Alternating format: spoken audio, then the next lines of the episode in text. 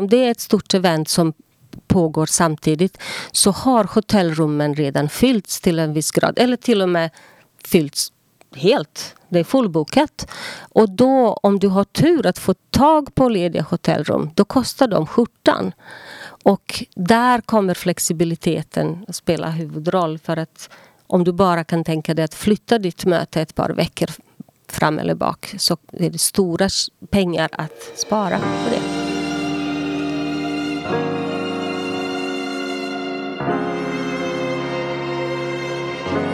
Hotellpodden med Hans och Jonathan. Hans, du kan ju allting om hotell, eller hur? Det kan jag inte påstå, men eh, jag kan ganska mycket. Ja, Är du beredd på att fråga? absolut. Den kommer från hjärtat och du borde kunna sätta den faktiskt. Ja, och kul. Min hotellnatt i natt, eller eh, min eh, hotellupplevelse. Jag hade nog minst fyra olika typer av tvål, lotion, en massa kladd på toaletten. Ja. Aldrig någon tandkräm. Nej, Varför? Det får man be om eh, i receptionen om man behöver det. De flesta människorna har med sig sin egen tandkräm. Ja, det är så väldigt specifikt. Jag behöver ju inte ha liksom eh, elva olika lotion och jag behöver inte be om fler lotion. Men tandkräm, de flesta borstar ju tänderna. Ja, det är helt riktigt. Det är någonting som eh, våra lyssnare kan fundera på. Kära lyssnare, lägg ut en tub med tandkräm Ja. på toaletten. ja. Och det leder oss ju faktiskt in till dagens ämne lite grann också. Vår gäst är en nestor inom globala strategiska möten, organisation och ledarskap. Hon har jobbat med hotellkedjor, flygbolag och byråer över hela världen. Hon är styrelseordförande för Swedish Business Travel Association och hon älskar möten. Och mötena bakom mötet. Välkommen Bobby Georgievich. Dagens gäst är hur kan vi då koppla tandkräm för Jonathan till eh, dagens gäst? Ja, det blir din utmaning. kan Ja, det blir min utmaning. Ja, hur ska du Men lösa det här? dagens gäst är Bobby Georgievich och eh, vi ska prata stora möten. Jag har varit på ett antal stora möten eh, genom åren givetvis och varit involverad på olika sätt. Ehm, Trots att det är väldigt mycket folk involverade, mycket händelser, så är det nere på varje detalj som ska planeras. Och där kommer din tandkräm in Jonathan. Vi kanske inte planerar tandkrämssmak för gästerna, men det är väldigt mycket annat. Bobby, hjärtligt välkommen! Tusen tack. Så himla kul att vara här. Vi gled in på eh, detaljer där också. Tyckte du att den funkar eller? Det funkar jättebra. Det handlar ju mycket om det. Ja, det gör det. I allra högsta grad. Det är detaljsinne som, som, som gör skillnaden. Ja. Kan inte du berätta lite grann om dig själv och din bakgrund? Varför du är med på Hotellpodden? För möten och hotell hänger Ja. ihop. Men hur egentligen? Vad, kan du prata om, eh, om dig själv lite grann? Absolut. Tack för att jag får vara med idag. Um, jag började min, min karriär inom besöksnäringen kan man nästan säga. Uh, uh, på Svenska Mässan 1998. Och eh, där var jag i tio år här i Göteborg. Eh, jag jobbade ju först i några år eh, som en eh, operativ resurs i verksamheten. Jag, jag gick runt och tog hand om konferenslokaler och var i receptionen lite grann och gick runt och träffade massa gott folk som var där. Uh, och sen under några år så jobbade jag som en sales manager på Convention Center på Svenska Mässan. Och det innebar att uh, sälja in hela Göteborg som en mötes och eventdestination och med huvudfokus på Svenska Mässan som huvudanläggning. Jag vill bara nämna, Svenska Mässan är alltså en av Sveriges och en av Europas största anläggningar för stora möten. Nu Och tycker jag att det här i låter som Göteborg. en reklamfilm för Göteborg. Jag är ju stockholmare. Ja. Alltså, jag bara, jag bara Nej, men det är inte alla som det. vet vad Svenska Mässan är men det kanske. kanske är så för jag att det tänkte ligger i bara Göteborg. definiera det. Ja, Eller hur? ja. Nu ska inte jag prata mer. varsågod. Uh, ja, och eh, där jobbade jag väldigt nära med Göteborg Convention Byrå. Eh, och jag skulle verkligen vilja slå slag för conventionbyråer som en otroligt viktig och bra eh, partner för alla inom eventbranschen och även på kundsidan. Ehm, sen, eh, sen efter några år jobbade jag på en eventbyrå som heter MCI och där jag var projektledare, event planner och även account manager för ett antal företag inom läkemedelsindustri. Och 2011 så tänkte jag nu är det dags att känna på hur det är att vara kund. Nu, nu har jag lärt mig vad jag trodde att jag kunde lära mig på, på branschsidan. Och då började jag jobba på ett företag som idag heter Dentsply Sirona. Det är dentalbransch. Eh, eh, och eh, planerade deras deltagande på medicinska tandläkarkongresser under några år. Men sedan tio år tillbaka så har jag eh, jobbat som en strategisk inköpare kan man säga av dessa tjänster. Så då, då bytte jag ju plats vid bordet eh, och satt mig på andra sidan och började samtala med mina forna kollegor. Och där ser du Jonathan, om du säger att jag kan mycket om hotellbranschen så har vi ju en expert i mötesindustrin och stora conventions framför oss. För tjänsterna du pratar om, det är ju kongress och konferenstjänster. Det stämmer. Men det är otroligt bred begrepp. Jag fick en blick där, ska jag säga till tittarna som inte, som inte hängde med i det visuella. Men, men någonstans där är vi i alla fall. Mm. Bobby, du har är en fantastisk erfarenhet eh, runt detta och eh, det är just därför som det är så oerhört intressant att få ha dig här och berätta om branschen. Kan du definiera vad, vad är ett stort möte? För det, det kan vara olika för olika människor. Gud ja. Hur långt är ett rep? Ja, Uh, ett stort möte betyder helt olika saker beroende på vem som man pratar med. Uh, för ett litet lokalt företag, ett stort möte kan vara med 50 personer. Uh, men om det, om det är viktigt möte så, så är det stort by default. Men det jag tror vi kommer att fokusera mest på idag är ju de stora mötena där vi har stora grupper med Stora antal ja, Mm. personer involverade. Och eh, då pratar vi om möten som kan vara eh, arrangerade av föreningar. Det kan vara en branschförening, en medicinsk förening, en universitet, ett universitet. Um, det kan vara ett företagsevent. Man samlar alla sina anställda och eh, visar sin uppskattning för deras eh, jobb genom en kick-off, en stor party. Det är ett stort möte också. Det är ett event. Um, vi skulle kunna tillbringa en dag bara att debattera vad betyder ord event eh, jämfört med ordet möte. sätt en siffra på ett stort möte. Är det 1000 eller 10 000 eller 500 eller vad? Som sagt, jag hörde just häromdagen några personer som pratade om ett jättestort möte och då pratade de om, om ett möte med 200 personer. För dem var det stort. Själv skulle jag säga över 500. Då pratar vi om ett stort möte. Men 500 är jättemycket. Tänk på all tandkräm som går åt varje morgon och kväll. Fem, 500 personer är mycket. Och du pratar om mer än så. Du pratar om 1000 och 2000. Absolut.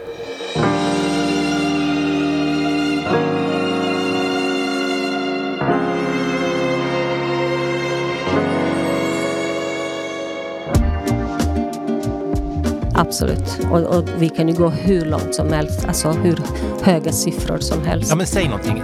Dräm på. Vad är det största du har jobbat med just i kvantitet mätt? Liksom, antal tandkrämstuber. Mm. Hur, hur, hur, eh, hur stort är det största? Är det tusen människor eller är det? Det största, alltså vi kan prata om, det finns ett företag, eh, ett softwareföretag eh, som heter salesforce.com. Deras möte som heter Dreamforce eh, samlar ungefär 30 000 deltagare i San Francisco varje år. Now we're talking. 30 000. Ja, Det är grejer det. Det kräver sin man logistik eller sin kvinna. Ja. På mitt landställe, där, i staden där jag har mitt landställe kan jag säga. En av de största medicinska kongresser som kom till Göteborg, en av de största, för jag vet inte om det hände något större efteråt, men 2010 var det en dermatologikongress. 10 000 deltagare. Och någonting som du har varit med i logistikplaneringen, är det också de siffrorna 10 000 eller vad? Ja, det är det. Eh, inte, inte för att planera helheten, men att vara involverad för vissa grupper som deltog på den kongressen, ja. Då pratar vi, för vi har pratat eh, site inspections emellanåt där Ja. och eh, i, i eh, något program. Och eh, när man har den typen av möten, den storleken, den kvantiteten, då pratar vi inte om att hitta rätt hotell utan då pratar vi destination egentligen. Är det inte så? Och jag är jätteglad att du tar upp det. För att väldigt många börjar med att bläddra lite på nätet och titta på fina hotellbilder och resorts. Och liksom det ligger vid stranden och det är varmt och gott. Eh, men det är egentligen destinationen man behöver analysera uh, först. Och där pratar vi om uh, tillgänglighet antal direktflyg till den destinationen. Där har vår kära Göteborg lite utmaningar i och med att vi har alltid skrikit efter fler direktflyg till Göteborg. Det påverkar enormt. Men ni har jättemånga spårvagnar. ja, det hjälper. Absolut. Uh, så att uh, tillgänglighet och, uh, och transportmöjligheterna. Snabbtransport, direkttransport. Varje flyg som man byter på vägen är risk för tappad bagage eller förseningar. Så det vill man undvika.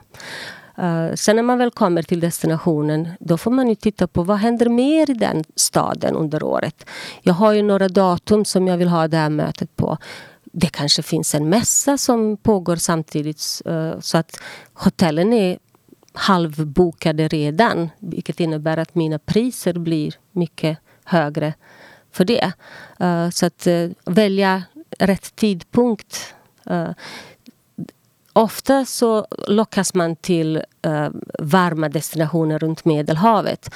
Uh, men man får inte glömma deras leisure turistsäsong börjar också någon gång i maj. Uh, och då är ju staden fylld med turister. Hur påverkar det mina deltagare, min kongress och priserna igen?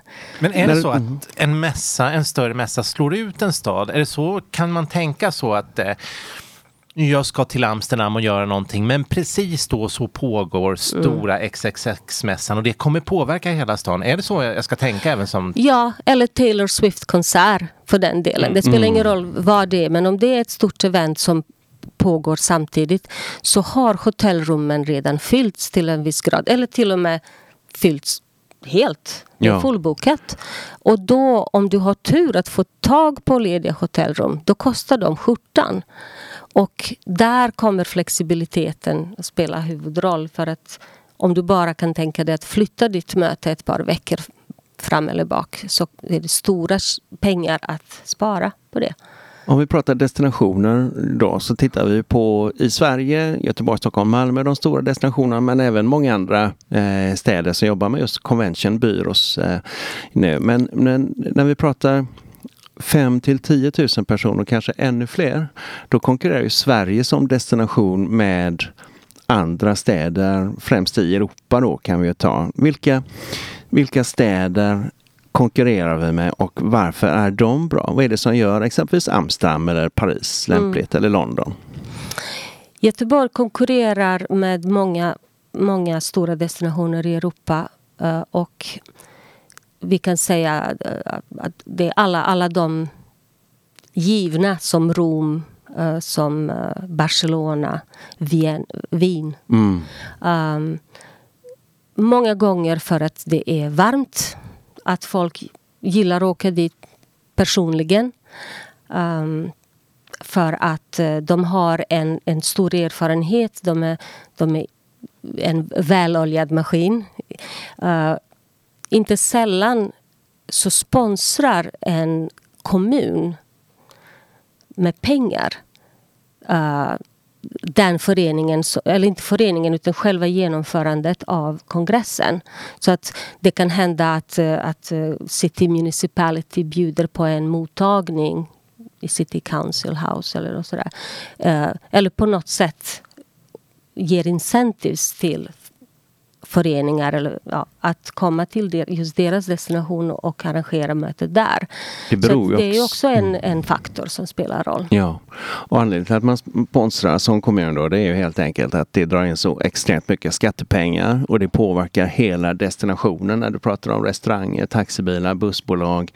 Eh, det skapar extremt mycket arbetstillfällen som man kanske inte tänker på just när man ja. tänker stora möten. Det och det är definitivt en fråga man kan ställa när man söker sin destination. Vilka, vilka incentives finns det att få.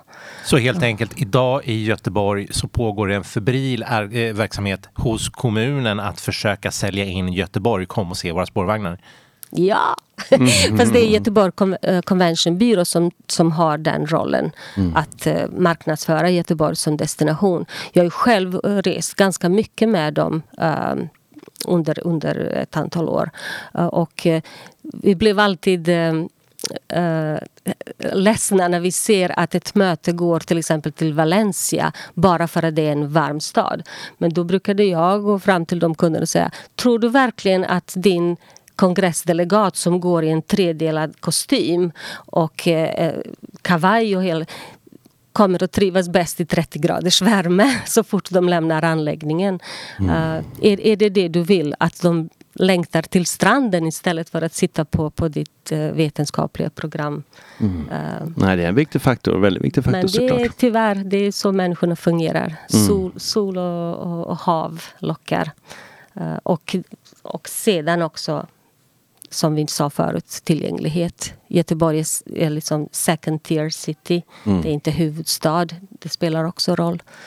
Um, men det finns ett antal stora möten som har varit i nordiska huvudstäder. Stockholm, Köpenhamn och Oslo. Och då är Göteborg ett givet nästa val skulle jag vilja säga.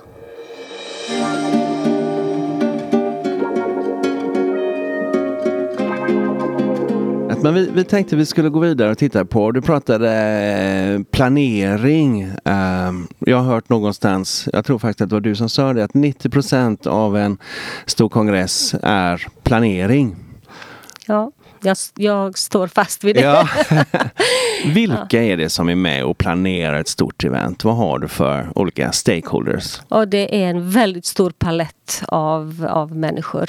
Uh, om vi tar en förening eh, så, så finns det ju en, en styrelse som bestämmer att ha ett möte, event, kongress, vad man nu väljer att kalla det.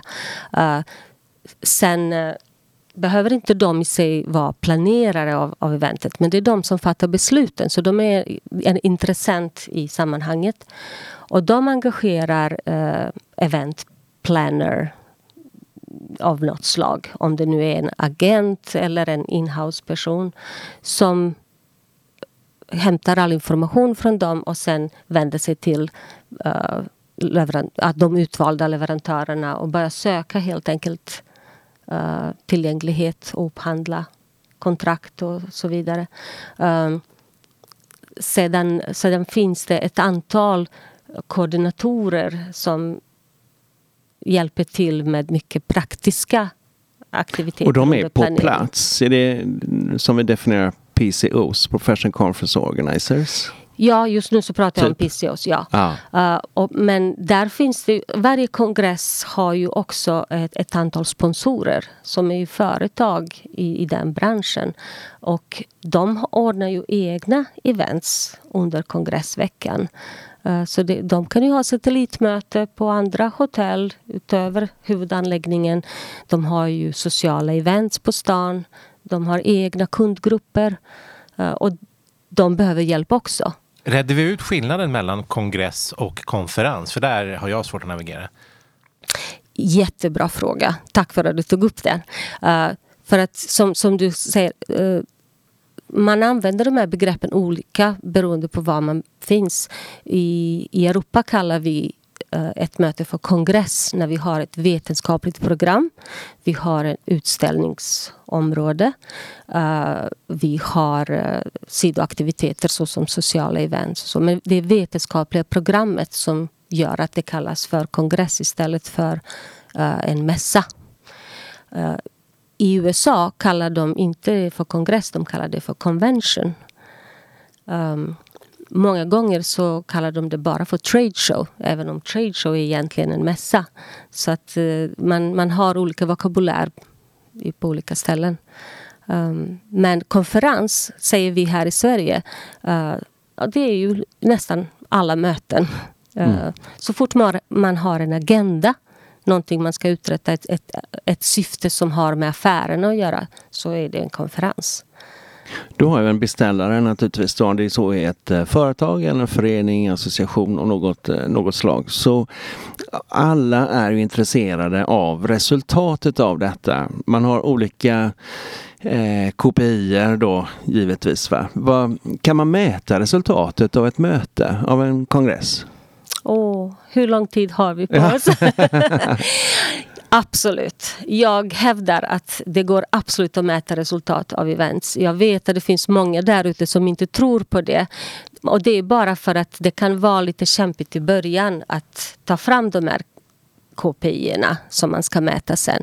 Men jag vill säga att allt börjar med att man från, från första tillfället när man, när man bestämmer sig att ha ett möte eller event eller kongress eller konferens vet vad, vad, vad är syftet med det eventet.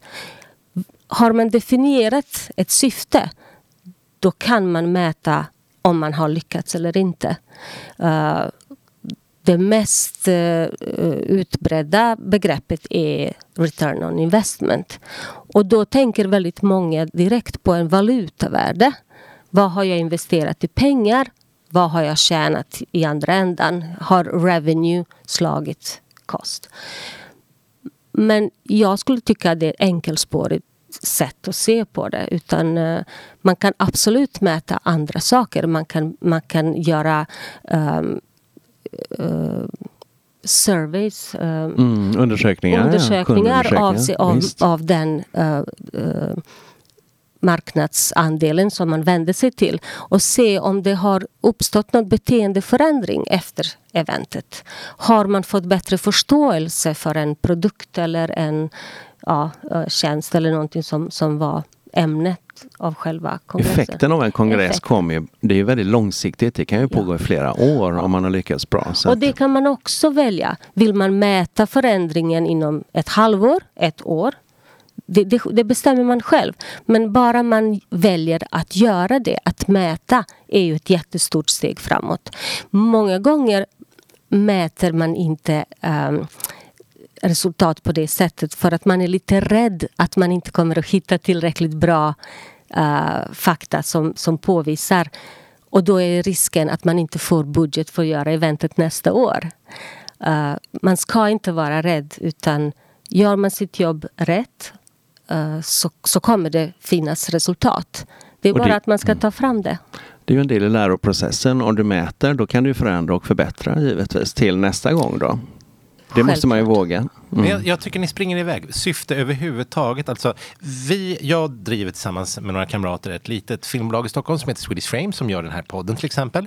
Vi har en enda gång kommit på tanken att ha en liten konferens och då åkte ut på en Finlandsbåt fram och tillbaka och alla längtade antingen hem eller tillbaka till sina studios. Det var fullkomligt misslyckat i alla avseenden. Men vi kom till, till, till slut tillbaka och sen dess har liksom aldrig konferens varit relevant överhuvudtaget. Liksom. Mm. Kan ni dra, vad är de tre huvudsyftena? Varför kom man på det här från början? Vad ska det leverera? Varför ska man mötas en massa människor? Kör, kör hela, för mig som inte har varit med tidigare. Det, det är en stor fråga. Alltså, mm. nu, nu, går det, nu går de här ja, spinn, vi går igång här på den här. För det är ju så. Du, du har ju olika syften mm.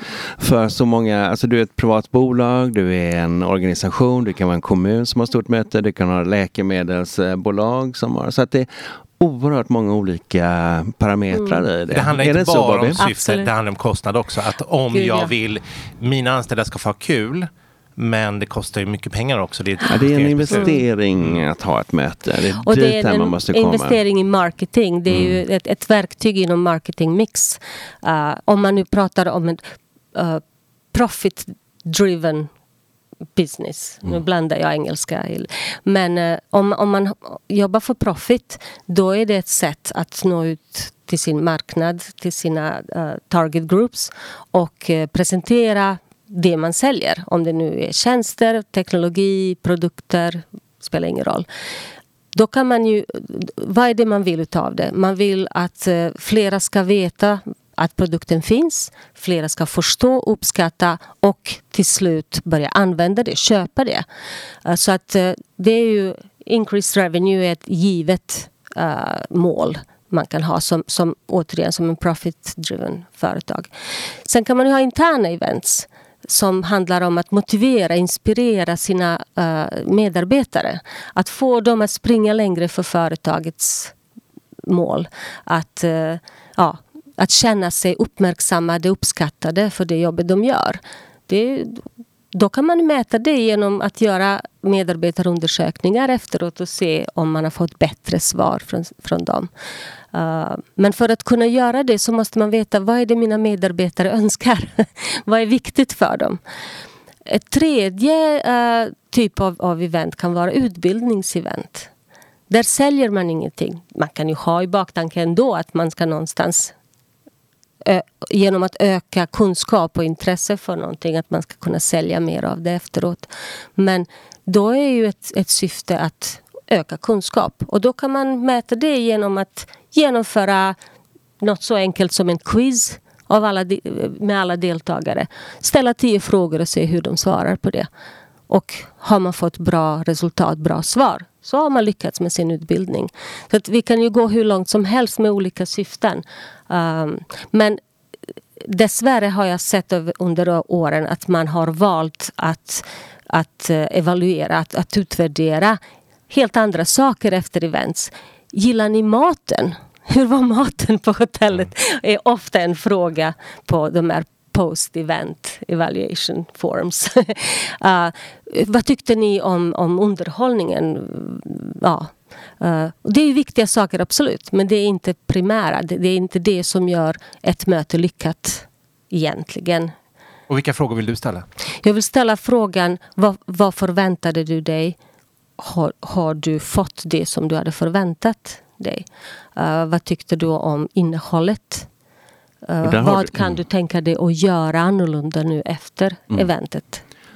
Och där gäller det att vara tydlig då i ett eh, bolag när man planerar ett möte. Vad är syftet med mötet? Så att deltagarna förstår syftet med det. Och då kan man ha ett tydligt mål också och så mäter man detta. Ja. Det här du berättar om att är man nöjd med maten, är man nöjd med underhållningen och entertainmentbiten. Det ska ju leda till att, att man tar till sig en utbildning till exempel eller en information totalt sett. Så mm. att eh, alla de här små detaljerna ska ju leda till ett större syfte, ett större mål. Och där går vi tillbaka till det vi sa förut att planeringen är egentligen det, det, största jobbet. För om man ska utvärdera då måste man börja innan mötet börjar egentligen.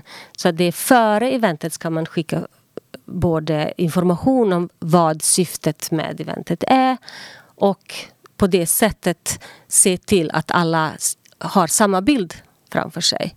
Och alla som kommer på plats har samma mål. Um, och då är det lätt att utvärdera och bara säga, tycker du att vi har uppnått det målet? Så Men Jonathan, om alla har olika bilder då, då finns inget att... Nej, så Jonathan, ditt, eh, ditt möte på Finlandsfärjan får du nog ta och planera lite bättre nästa gång. Det är nog där det ligger, förstår du. Som VD får du ta tag i de bitarna. Jag undrar om jag får igenom Had... ett Finlandsmöte en gång till. Men, men, eh... Hade velat se den agendan eh, som ni hade. Ja. Hur många punkter var det? Nu sätter ni oss på pottan här. Alltså. Bobby, resultatet, bara återkomma en, en par sekunder på detta. Det, det är som sagt var många olika som mäter resultatet. En, en destination mäter resultatet i intäkter totalt sett. Ett hotell mäter intäkter på, det är monetära resultat som de mäter då. Medan som du säger här då har man en utbildningskonferens då är det ju helt andra parametrar. Det är ju de mjuka som man förut tyckte var väldigt svåra parametrar att mäta. Ja. Det gäller att definiera det och det, det, är precis som du säger. Sen skulle jag vilja säga att man, det finns olika nivåer på uh, utvärdering och uh, mätning av return on investment. Man kan börja med att utvärdera och mäta framgång av enskilda möten. Helt enkelt att räkna på sina kostnader, räkna på uh, intäkter som kommer därefter och göra lite mjuka värden och utvärderingar och, och stanna på det. Sen kan man uh, bredda ut det efter ett tag och genom att använda uh, eventteknologin uh, ta vara bättre på den datan som man samlar in under sina events. Alltså se hur, hur uh, utvecklar sig antal deltagare på våra events. Vilka deltagare väljer att komma på våra events? Uh, och sen med den datan kan man då, och bör man då börja titta på en, hela event och mötes och eventprogrammet, alltså under ett helt år. Och där är det viktigt att koppla in ledningen och fråga vad är våra affärsmål för det här året? De här eventsen vi gör under det här året, är de ett verktyg som tar oss åt rätt håll? Stämmer mötets mål överens med affärsmålen. Det är då man gör en riktigt bra utvärdering. Det är då man vet att pengarna är väl spenderade. Inte på det enskilda mötets nivå utan på helheten. För om man säger Strategic Meeting Management Program det är ett, ett disciplinerat sätt att, att eh, genomföra möten och events för att främja företagets eller föreningens mål eh, på ett strukturerat sätt. Och inte bara eh, genom att eh, upphandla och sänka kostnader utan även att främja kvalitet, servicenivå.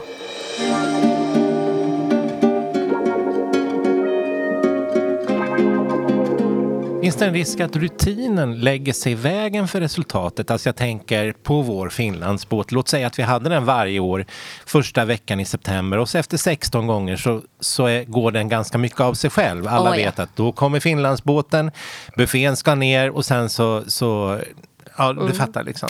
Jag kan säga att eh, när jag först började jobba som category manager för möten och events. Det första jag gjorde var att intervjua ett antal event planners på det företaget. Och eh, första frågan var, vilka events har ni? Va, vad gör ni? Vart åker ni? Varför? Och andra frågan var, varför? Vad är, vad är syftet? Uh, att ni åker till den här mässan eller den här kongressen. Då fick jag ju ofta svar, att det gör vi varje år. Så, men frågan är inte hur ofta, utan varför. ja, men alla konkurrenter är där. Vi, kan inte, vi har inte råd med att inte vara på plats. Och där pratar vi om den rutinen. Kan jag bryta mönstret? Kan jag säga till mina kunder nej, vi väljer att inte ha den här montern på den här medicinska kongressen eller uh, uh, för att vi tycker inte att det gynnar våra affärer. Uh, det är otroligt svårt att uh, fatta ett sådant beslut. Um, men det är viktigt att man, alla val man gör, att man gör det mm, på, på ett uh, genomtänkt sätt och inte bara av slentrian. Vi gör det varje år. För där har du också, vi pratade stakeholders, där har du individen. Om det är ett event som varje år är i Barcelona och eh, du som individ träffar dina kompisar där och ni gör lite roliga grejer, ni har eh, favoritrestauranger förutom mötet då. Om ledningen kommer och säger att nej, vi ska inte åka till Barcelona i år. Då blir det, det är inte alla som förstår det affärsstrategiska i det. Ja. Och, och sen är det ju givetvis um, uh, viktigt att, att förstå olikheter i de olika segmenten. Alltså associations, föreningar som gör kongresser. Uh, de är ju ännu viktigare under till exempel lågkonjunkturtider. För då har inte företag kanske som prioriterat att spendera sina pengar på att göra egna events. Men föreningar kan fortfarande göra sina kongresser och där samla alla intressenter, alla som behöver nätverka med varandra både från köparsida och, och branschens sida. Eh, så det är en otroligt viktig plattform för möten. Eh, så att det är, man har olika utgångspunkter varför man ska göra sina möten. Våra hotellminnen. Våra hotellminnen. Bobby, vi skulle kunna återigen, ehm, som med alla gäster, skulle vi kunna sitta i två dagar och, och prata. Risken och det här är finns. jätteintressant, ja verkligen. Men du, vi brukar um, avsluta, för vi tvungna att avsluta här tidsmässigt. Redan? Ja, redan, förstår du va. Det är inte klokt egentligen. Men eh, vi avslutar alltid med att fråga våra gäster efter en eh, upplevelse, en hotellupplevelse som de kommer ihåg och som har etsat sig fast. Har du någon sådan upplevelse? Ett hotellminne. Ett som- hotellminne? Jag har faktiskt ett sånt minne och det är inte så gammalt heller. Det är ett hotell och jag kan inte ens säga namnet på hotellet även om jag hade velat det. För att det har jag glömt. Men eh, det är ett hotell i gamla Ronda-staden i Andalusien. Eh, som är så fantastiskt att eh, det är inte bara personalen på hotellet som, som står i fronten, alltså reception, säljarna och så, utan även, även housekeeping-personal. Även teknikerna som man passerar förbigående. Som vet vem du är, som vet varför du är där. eh, som vet åt vilket håll du går och, och pekar. Liksom, det är den hissen du ska ta. Så de förstår att de är också en viktig bricka i spelet. Mm, en del i leveransen. Ja, så det är varje man räknas. Ja. Det där hotellet, det ska vi återkomma till. Ja. Bobby, tack så hemskt mycket för din tid här och för att du besökte oss på Hotellpodden. Det har varit helt fantastiskt. Tack så väldigt, väldigt mycket. Det har varit jätte, jättespännande. Tusen tack för Och jag att ska jag säga till vara alla lyssnare att eh, Hans och jag är överens om att Hans ska ge mig ett glas champagne för varje ny följare vi får. Eller hur Hans? Ja, det ska jag göra. Exakt, tack så Ikväll, jättemycket. ja. Så om ni hamrar följknappen, då kommer ni pumpa mig med champagne. Bra. tack så jättemycket Bobby. Tack, tack. Hotellpodden med Hans Kanold och Jonathan Kruse produceras av Swedish Frames AB. Temamusiken är gjord av Henrik Lörstad. På swedishframes.se finns också mer information om podden. Nå oss gärna på hotellpodden at swedishframes.se.